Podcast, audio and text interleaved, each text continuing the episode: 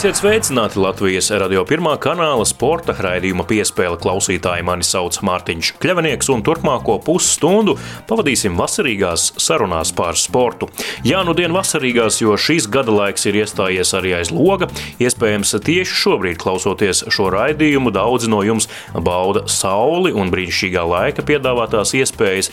To, protams, jādara uzmanīgi, ievērojot visus piesardzības pasākumus, bet par ko tad šodienas raidījumā? Šonadēļ beidzot tika dots starta šāviens Latvijas futbola virslīgai. Čempionātam bija jāsākas jau martā, taču to neļāva darīt koronavīrusa pandēmija. Pirmie virslīgas mači notika jau šīs nedēļas ievadā, tika izspēlēta pirmā kārta, tagad nedēļas nogalē nu jau aiz muguras arī otrā spēļu kārta.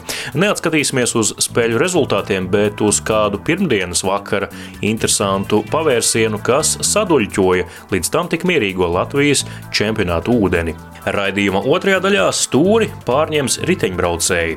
Vispirms sarunāsimies ar vienu no labākajiem Latvijas profesionālajiem riteņbraucējiem, Emīlu Liepiņu. Savukārt pēc tam saruna ar Krišjānu Ratiniku, dēvētu arī par velomenu. Viņš šonadēļ pieveica 1000 km uz velospēda, neapstājoties un ceļa posmu veicot 43 stundās. Tas viss jau pēc pavisam īsa brīža.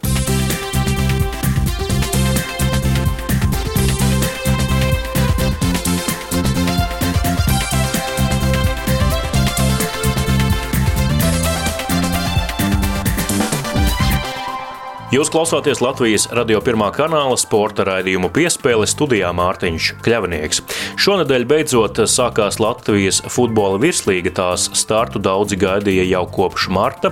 Tagad koronavīrusa pandēmija nedaudz mitējusies un spēles var aizvadīt. Tiesa, stadiona tribīnēs nedrīkst atrasties skatītāji, tā lēmusi Latvijas futbola federācija. Tas gan līdzjutējiem netraucēja vērot gan pirmās, gan arī šajā nedēļas nogalē notiekošās otrās kārtas spēles. Līdzjutēji Komiteja parasti pulcējās ārpus stadiona teritorijas pie kāda no žogiem, kur vislabāk redzams laukums. Es savukārt otrdien paviesojos Daugaugrīvas vidusskolas stadionā, kurā Rīgas komanda Meta uzņēma Jūrmalas Spartaku. Pirmdienas vakarā gan sākās neliels publisks ķīviņš par to, ka Jūrmalas Spartaks nevēlas braukt spēlēt šajā laukumā, jo vēl pirmdienas pēcpusdienā tika paziņots un pat oficiāli apstiprināts, ka spēle notiks Daugavas stadionā.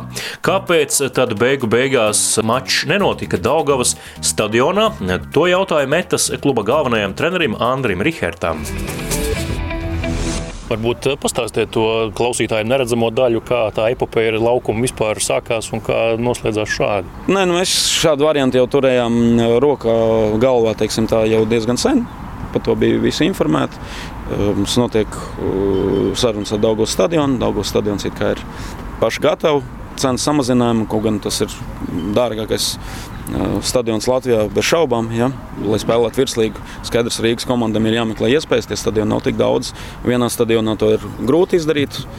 Trīs klubi tomēr spēlē virslīgā, un tad mēs tā kā vietā atradām māju vietu Daugavā, bet tur notiek varas maiņa, tad izglītības ministrija.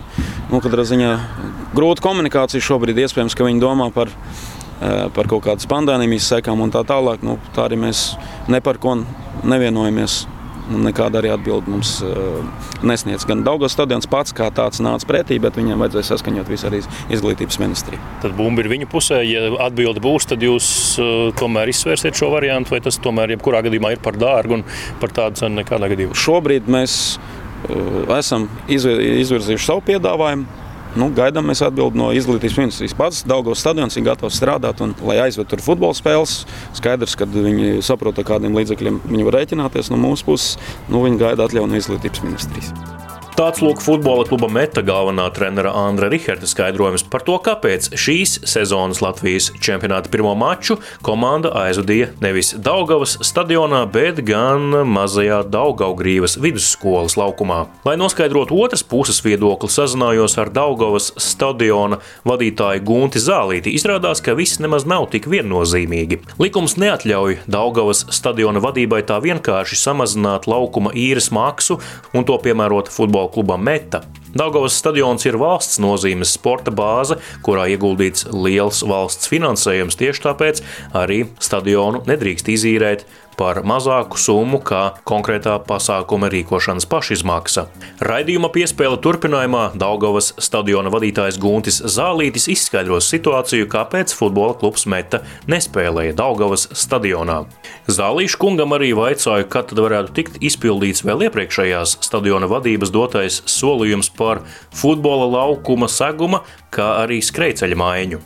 Izrādās, ka futbola laukums nemaz netiks uzlabots līdz visaugstākajam līmenim, tajā netiks ierīkotas sildīšanas iekārtas, bet kopējais finansējums, lai nomainītu segumu gan skrejceļam, gan futbola laukumam, būs aptuveni miljons eiro. Latvijas Futbola federācija gan piekritusi finansēt eh, treniņu laukuma seguma nomaiņu. Vairāk stāsta Guntis Zālītis tas ar to apgalvojumu jānotiek.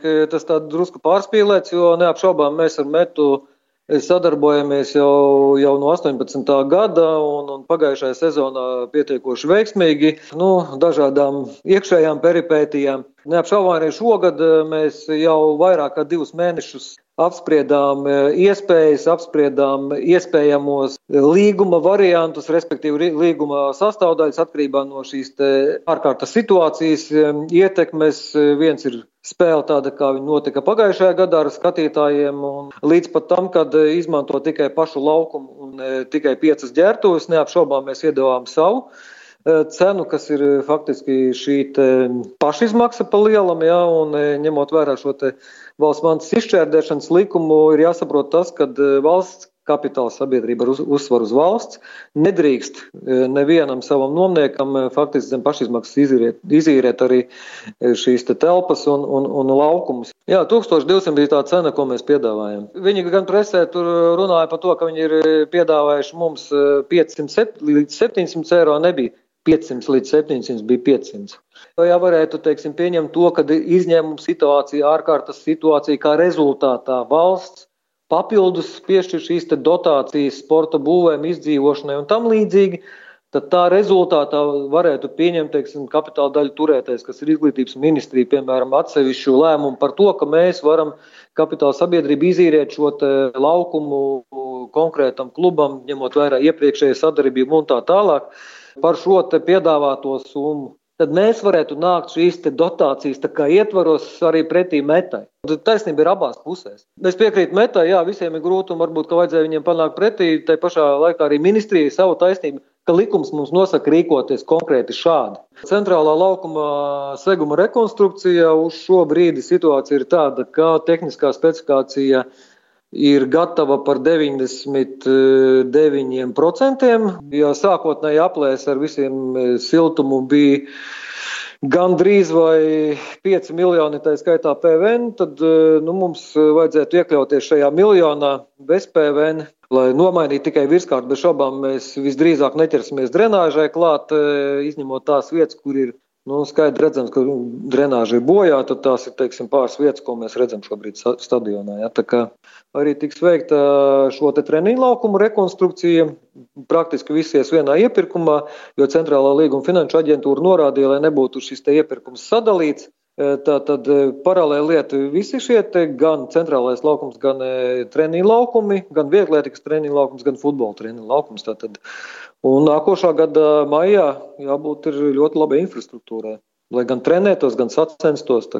Visi iet uz priekšu. Futbola federācija to gan ir apliecinājusi, ka šo virsējo kārtu šim te, e, mākslīgajam futbola laukumam, to gan viņi ir gatavi nofinansēt. Teiksim tā, ka uz šo brīdi tehniskajā specifikācijā ielikta norāde uz to, ka skrejceļam jāatbilst vismaz Eiropas e, junioru vai Eiropas U23 junioru čempionāta teiksim, stadiona līmenim. Mēs arī runājam ar Vieglietas Savienības esošo prezidentu par to, ka eh, perspektīvā varētu vai nu 24. vai 25. gadā notikt šeit šis Eiropas junioru čempionāts, kas jau ir arī tieši Arņa Laksdiņa eh, vadībā ir noticis jau 1999. ja gadā. Un skrejceļa kvalitāte noteikti, es ceru, ka būs tāda, un arī šī iepirkuma struktūra ir nevis e, izpildītājs, bet ražotājs. Ja? Tātad mēs esam izvēlējušies, lai ražotāji būtu top 5 vismaz Eiropas ražotāji, kas piegādā šos skrejceļu segumus.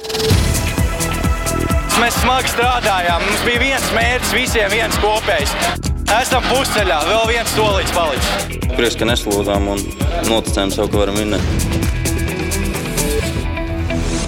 Jūs klausāties Latvijas radio pirmā kanāla sporta raidījumu piespēle studijā Mārtiņš Kļavnieks un nu gan pievēršamies tikai un vienīgi riteņbraukšanai. Vienam no pašmāju labākajiem Latvijas profesionālajiem riteņbraucējiem Emīlam Liepiņam šai sezonai vajadzēja būt izcilai izlaušanās iespējai. Viņš parakstīja līgumu ar pasaules tūres komandu Treksega Fredo, komandas biedrs ir Latvijas Toms Skuiņš, bija visi priekšnoteikumi, lai Emīls paceltos jaunā līmenī. Koronavīrusa pandēmija Pandēmija ir ieviesusi savas korekcijas gan sacensību kalendārā, gan arī sportistu ikdienā. Par to, ar ko nodarbojas Emīls Liepiņš, viņu izvaicāja mans kolēģis Māris Bergs. Māja beigās Igaunijā nobrauca savas pirmās sacensības pēc ilgāka pārtraukuma. Pastāst, kāds bija sajūta atkal braukt sacensību režīmā? Bija interesanti. Pirmā vispār bija tāds, tā kā sen, nu, arī neesmu sen braucis un bija tāds nevarēja īsti iejusties ritmā, bet sacensības bija tādā treniņa režīmā, jo sen nav braukts tādā intensitātē. Un ķermenim tāds baisais šoks bija, kad pēkšņi no varbūt izturības treniņiem, kas ir mērenos pulsos un tā tālāk. Tu pēkšņi sāc braukt 200 un 180 pulsos. Tā kā no treneru bija uzstādījums nepārmocīt sevi, braukt 70% no savām spējām, lai nebūtu nekādas sekas pēc tam uz veselību un varētu normāli gatavoties svarīgajām sacensībām. Atcerieties, kad vispār bija pēdējās sacensības pirms šīm vēl? Man bija martā. Pēdējās sacensības bija Lasamina. Daudz riteņbraucēju šo pavasari vispār ir pavadījuši, sēžot mājās un trenējoties ar velotrenažieriem. Īpaši tas uz Eiropu attiecināms. Kā tu skaties uz šādu treniņu metodi, trenēties uz velotrenažieru? Personīgi man galīgi nepatīk, jo nu, tas nav atbilstoši. Tur vēl daudz ir jāpiestrādā. Pie Latvijas kausa, Latvija, tas Latvijas kausa, man tajā dienā vispār tas trenažieris negāja. Visi man brauca garām, kaut ko es gāju tur vienkārši pa visu. Sievietes man brauca garām, visi man brauca garām. Man laikam ir slikta pieredze no tā. Bet, Kad, nu, kad lietus līst un ārā ir slikts laiks, es arī kāpju uz tā trenižiera virsmu un braucu. Un citas dienas viņš iet normāli, citas dienas viņam negribās iet. Tas varbūt ir atkarīgs no nezinu, interneta savienojuma. Es gandrīz visus treniņus aizvedīju ārā, pilnīgi visus. Gandrīz, nu, varbūt es trīs reizes uzkāpu uz velotrenižieru. Tas arī viss ir. Mēs labāk braucam pa lietu ārā nekā kāpjas trenižieru vai brezi brauc 6 stundas pa lietu. Man, es esmu šoseis riteņbraucējs un varbūt tādēļ man patīk braukt ārā un baigas tā trenižieru neaizrauties. Jo arī braucot uz trenižieru, vismaz man pēc tam ir visādas problēmas ar muguru, jo arī tas ritenis ir iestiprināts un tā, tā kā es dodu priekšroku ārā braukšanai treniņiem šeit, Latvijā, es atradu arī kādu sparinga partneri vai treniņus aizvedu individuāli? Visus treniņus arī aizvedu ar Māri Bogdanoviču. Mēs esam labākie draugi. Mums ir ļoti jautri treniņos. Var pasakot līdzi Instagram kontos. Kā, jā, pilnīgi treniņus visus aizvedam kopā. Mēs abi esam sprinteri. Varam perfektus, kā saka, battles uztaisīt sprintos. Šodien arī uztaisījām.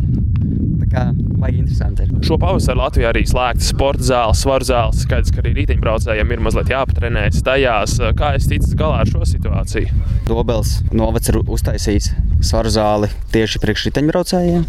Tā kā es aizvedu tur visādus treniņus kopā ar Māri. Un, uh, man ir treniņu programmā no rīta svaru zāle. Tad to mēs vienojušies ar Dobels, kā saka, riteņbraukšanas tēvu, Dainu Ritumu. Viņš mūs tur ielaiž, tā kā mēs tur esam divatā. Un tā arī mēs trenējamies. Pēc tam ir velotreniņš. Baigi daudz citus nesatiekam, cenšamies izvairīties, jo man arī no komandas ir protokols, ka es nedrīkstu tur baigi vazāties riņķī un pieķert visādus vīrusus. Šopavasar netipiski ilgi esi mājās Latvijā. Kā esi aizpildījis savu brīvo laiku un pielāgojis dzīves režīmu? Kas man visu laiku patikušas mašīnas, un tā mums arī onkoiriņķi. tas ir mans brīvais laiks. Nu, es arī agrāk, man, man tas ir hobijs. Visādas mašīnas ņemties. Patīk visādas M sērijas, BMW un tā. tā kā, tas ir mans hobijs. Tas ir dārgs, bet nu, tā dzīve. Sociālo tīklu ietnēs esi redzams braucot ar kalnu divriteni pa dažādām trasēm. Komandai nav kaut kāda iebilduma, ņemot vērā, ka šis sports tomēr ir salīdzinoši bīstams. Komandai nav nekas pretī, bet sacensībās viņi īsti negrib, lai es piedalos pagaidām, jo tas ir diezgan riskanti. Bet komandas treneris man arī ieteica pabraukt ar MTB, kaut ko pamainīt. Tad, kad uh, mums te viss apstājās, kā, viņi viss kārtībā, viņi priecīgi. Daudzi no komandas brauc ar MTB īstenībā šajā periodā. Tavuprāt, ko tas dod MTB tev kā šoseis riteņbraucējiem? Tas spēka treniņš tāds rītīgs ir. Piemēram, šeit pokaņos visu laiku ir augšā lejā, tad uh, tas ir īstenībā labākais treniņš, ko šeit Latvijā var uztaisīt tādu spēku, spēka darbu. La, es labi jūtos, kādreiz braucu BMX, tā kā man patīk visādas ekstrēmas lietas. Uh, uztaisam citreiz arī sacensības nobraucienos. Tas nav komandai nepatikt īsti, bet nu, tā jautrāk. Runājot par tavu jauno komandu, par Treksega Fredo, pastāst, kā es ieties komandā jaunajā sastāvā. Komanda ir ļoti, ļoti draudzīga. Tā kā visi džeki ir tiešām mēs visiem domāšana ir, ka mēs esam viena komanda un visi iet uz vienu mērķi. Kā, tur nav neviens, man šodien ir jāpalīdz, man nepatīk. Nē, visi iet uz vienu mērķi. Tā kā mums jau pirmā uzvara, vienīgā uzvara, kas šogad ir, tā ir no klasikām, jau ir Omlopā. Tā bija vienīgā klasika, ko mēs viņu uzvarējām. Tā kā viss ir, viss ir labi. Un īsnībā komandai ir ļoti laba sezona iesākusies. Diemžēl apstājās, bet nu, centīsimies turpināt. Tas, ka komandā ir Toms Skuņš, tas noteikti arī tev palīdz labāk un ātrāk iesties šajā komandā. Jā, nometnēs tas bija ļoti palīdzēja, jo Toms man pastāstīja, kas ko kā. Varēja labāk iejusties, bet man vēl nav sanācis ar Tomu pabraukt nevienas sacensības kopā. Tā kā cerams, ka mums sanāks, sanāks kopā, kad atsāksies sezona, jo reāli gribētos, ja ir latviešu komandas biedrs, tad gribētos pabraukt kopā, bet nu, sastāvs mums ir diezgan liels. 27 braucēji Kā saprotu, pats ir diezgan grūti, kad sak, nu, sakrist kopā, jo mēs esam galīgi savādāki tipi. Komandai arī šodien pievienojās Vincenzo Nibali, viens no vispār labākajiem pēdējo gadu braucējiem. Pastāst, ko es redzēju no viņa, kā viņš strādā, kā viņš trenējās, kādu iespēju tev viņš ir atstājis. Vincenzo ir ļoti tāds draudzīgs, draudzīgs džeks. Vispār nekad nevarēs pateikt, ka viņš ir tāds superstarps parasts cilvēks, ļoti draudzīgs ar padomiem.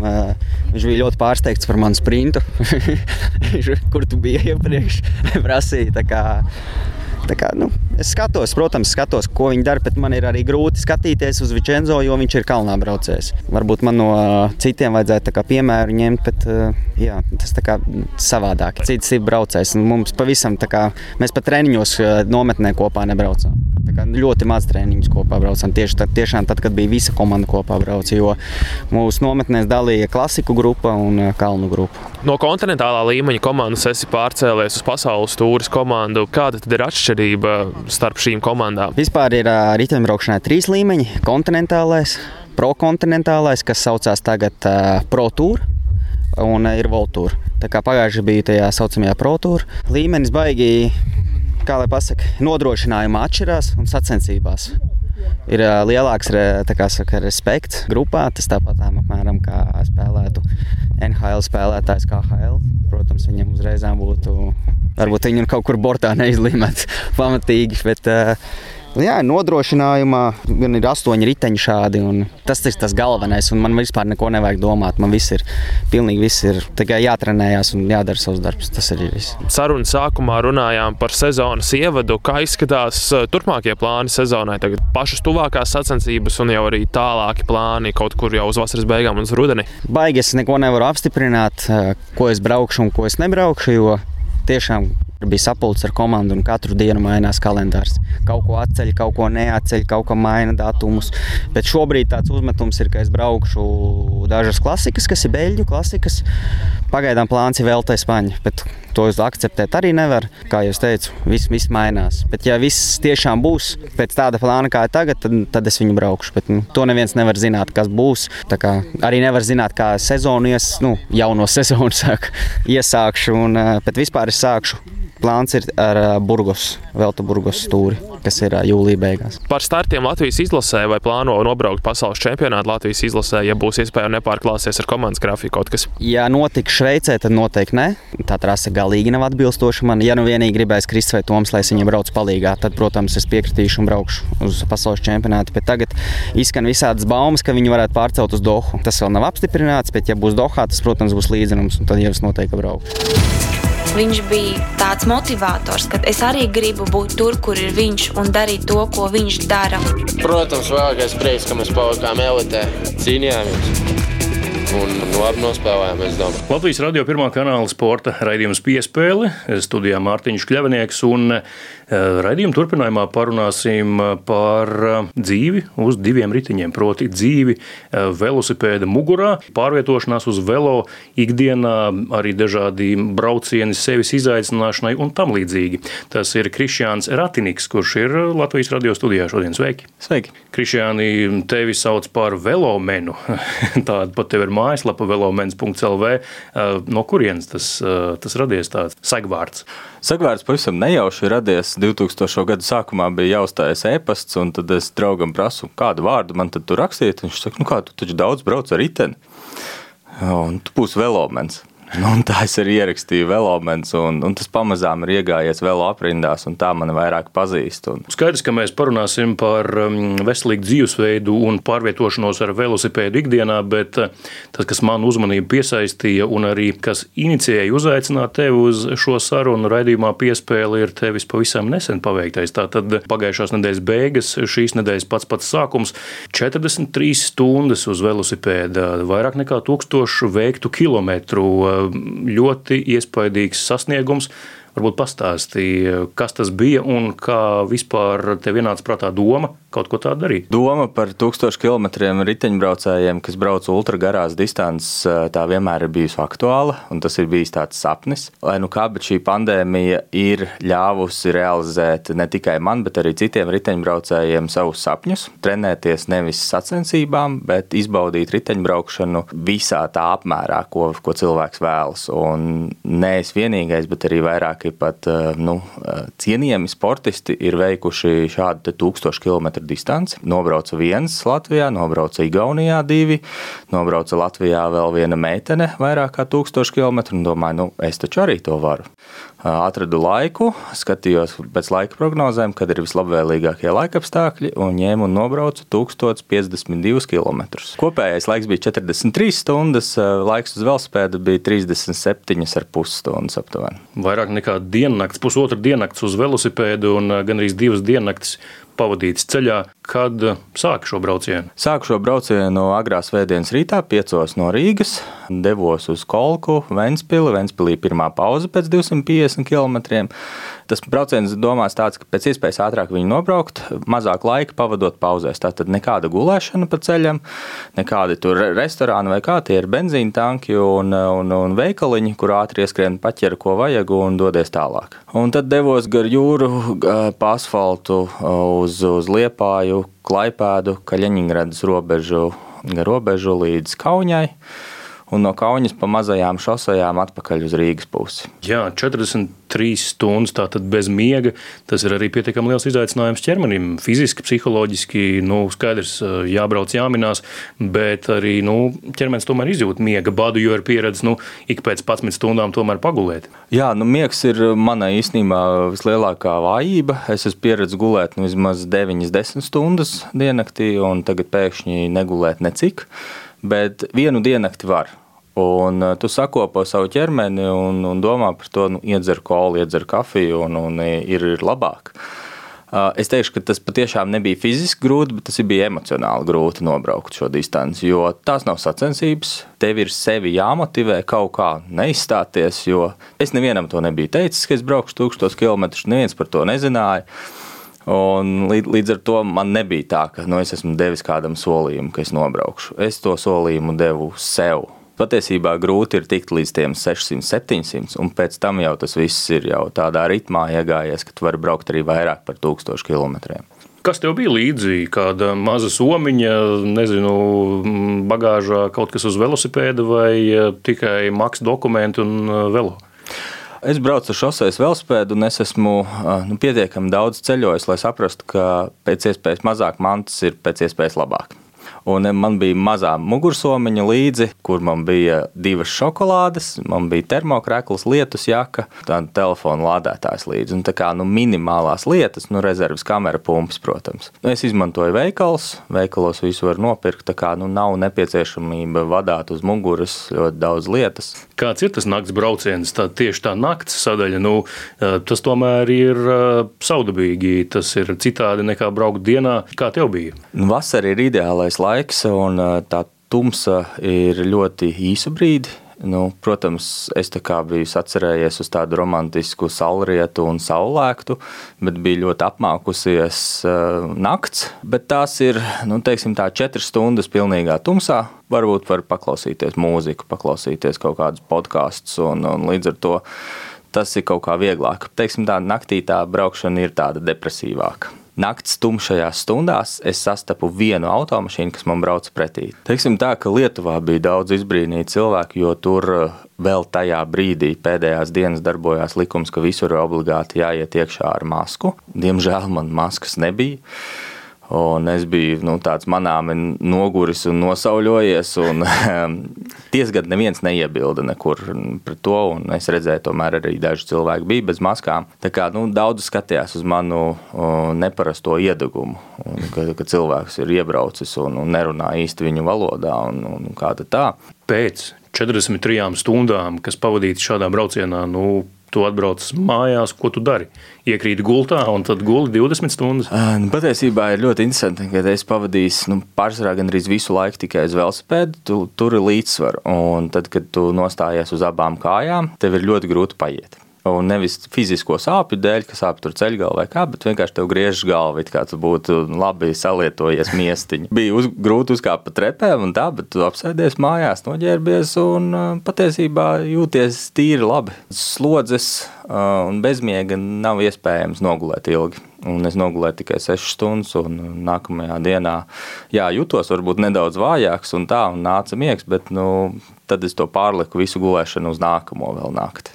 Radio klausītājiem droši vien šobrīd jāatgādina un jāuzsver, ka nu, tāpat tagad nekāpiet gluži uz saviem divriteņiem un nedomājiet braukt tūkstošu kilometru. Krišjāns ir rūtīts velobraucējs un, kā jau iepriekš pats sacīja, tad arī braucis garas distances un arī skrējis tās tādam absolūti zaļam gurķim, teiksim tā, nu, kad viņš vispār līdz tam tūkstotim var tikt un mēģināt tēmēt uz to, kas viņam pirms tam būtu jāizdara. Es vienkārši skatoties uz sevi pagātnē, protams, ka es nesāku ar tūkstošu kilometriem. Man bija senos laikos liels piedzīvojums aizbraukt līdz Siguldai. Un ka tur vajadzēja vairākas pauzes pa vidam un pāriest un tā, un atpakaļ ar vilcienu. Pirmkārt, cilvēkam ir jāsaprot, ko viņš vēlas. Ja viņam patīk braukt ar riteni, tas jau ir ļoti daudz. To vajag darīt pamazām. Nobrauciet savus pirmos 50 km, nobrauciet 100 km nobrauciet 200 km. 200 km var veikt jebkurš, kuram patīk un kurš ir fiziski aktīvs cilvēks. Tur neiestāsies nekādas neveselības problēmas, nekas. Nu, par garākām distancēm jau vajadzētu uzkrāt kaut kādu bāzi. Nu, kad tu sāc saprast, ko tur vajag ņemt līdzi, kād, kādas vajag plānot atpūtas pauzes un tā tālāk, jo tas jau tomēr aizņems vairāk nekā to darba dienu. Un tas ir tāpat kā nu, veikt kaut kādus darba pienākumus. Ja mums tā darba diena parasti ir tās 8 stundas, Nu, tad 10 stundas mēs vēl pastrādāsim, bet, ja mums pēkšņi jāstrādā 14 stundas, tad ķermenis īsti nesapratīs. Un tāpat ir arī ar riteņbraukšanu. Nu, šīs nav sacensības, tas pulss tur nav pārmērīgi liels. Um, tā ir tāda nu, fiziska aktivitāte, teiksim, tā ļoti ilgas stundas, un ķermenis ir jāpieradina pie tā pie tevis vēršas, um, jautā, mm, kādi entuziasti, kuri grib nobraukt savu pirmo garo distanci, piemēram, 300 km, zvana, saka, Krišjāni, dod padomu. Jā, tie ir regulāri un regulāri raksta uz e-pastu, Facebookā raksta, arī zvana. Un šajā braucienā, 1000 km, es pie Melncila jau satiku vienu uh, jaunu puisi, kurš mani pazina, un viņš man bija iepriekš arī rakstījis. Un viņš tajā dienā brauca savu pirmo 400 km. 400 km skaitās pirmā ultra. Viņš bija nopakojis savu velosipēdu, un viņš to arī veica. Mēs kādu brīdiņu pat pabraucām kopā. Tā kā jā, vēršas pie manis ar padomiem, un es cenšos arī izskaidrot nu, no savas pieredzes kā šo var saplānot. Un tā, un patiešām ar vien vairāk cilvēki pievēršas šādām garām distancēm, pārbaudīt sevi, pierādīt sev, ka to var izdarīt, un, un kad nākamajā dienā tu esi cilvēks. Tālūk, Krišjāns Ratiniks, Velomens, Latvijas radio pirmā kanāla sporta raidījumā piespēle. Paldies, Krišjāni, ka atnācis uz Latvijas radio un padalījies ar savām domām par savu neseno milzu sasniegumu - 1000 km 43 stundu laikā nobraukt ar velosipēdu. Ceram uz jauniem sasniegumiem un jauniem augstumiem. Droši vien, kas ir tas nākamais mērķis, ko gribas sasniegt tādā distances ziņā uz velo? To jau es esmu sasniedzis, un tagad es uh, gribētu braukt kopā ar kādiem cilvēkiem, kas grib nobraukt kaut vai savus pirmos 200 km. Mm, būt mentors. Tieši tā. Lai izdodas un paldies! Paldies! Līdz ar to arī izskan šīs nedēļas Latvijas radio pirmā kanāla sporta raidījums piespēle. Studijā biju es, Mārtiņš Kļavnieks, bet šo raidījumu man veidot palīdzēja arī kolēģis Māris Bergs. Par labskaņu, kā vienmēr parūpējās Nora Mītspapa uz sadzirdēšanos.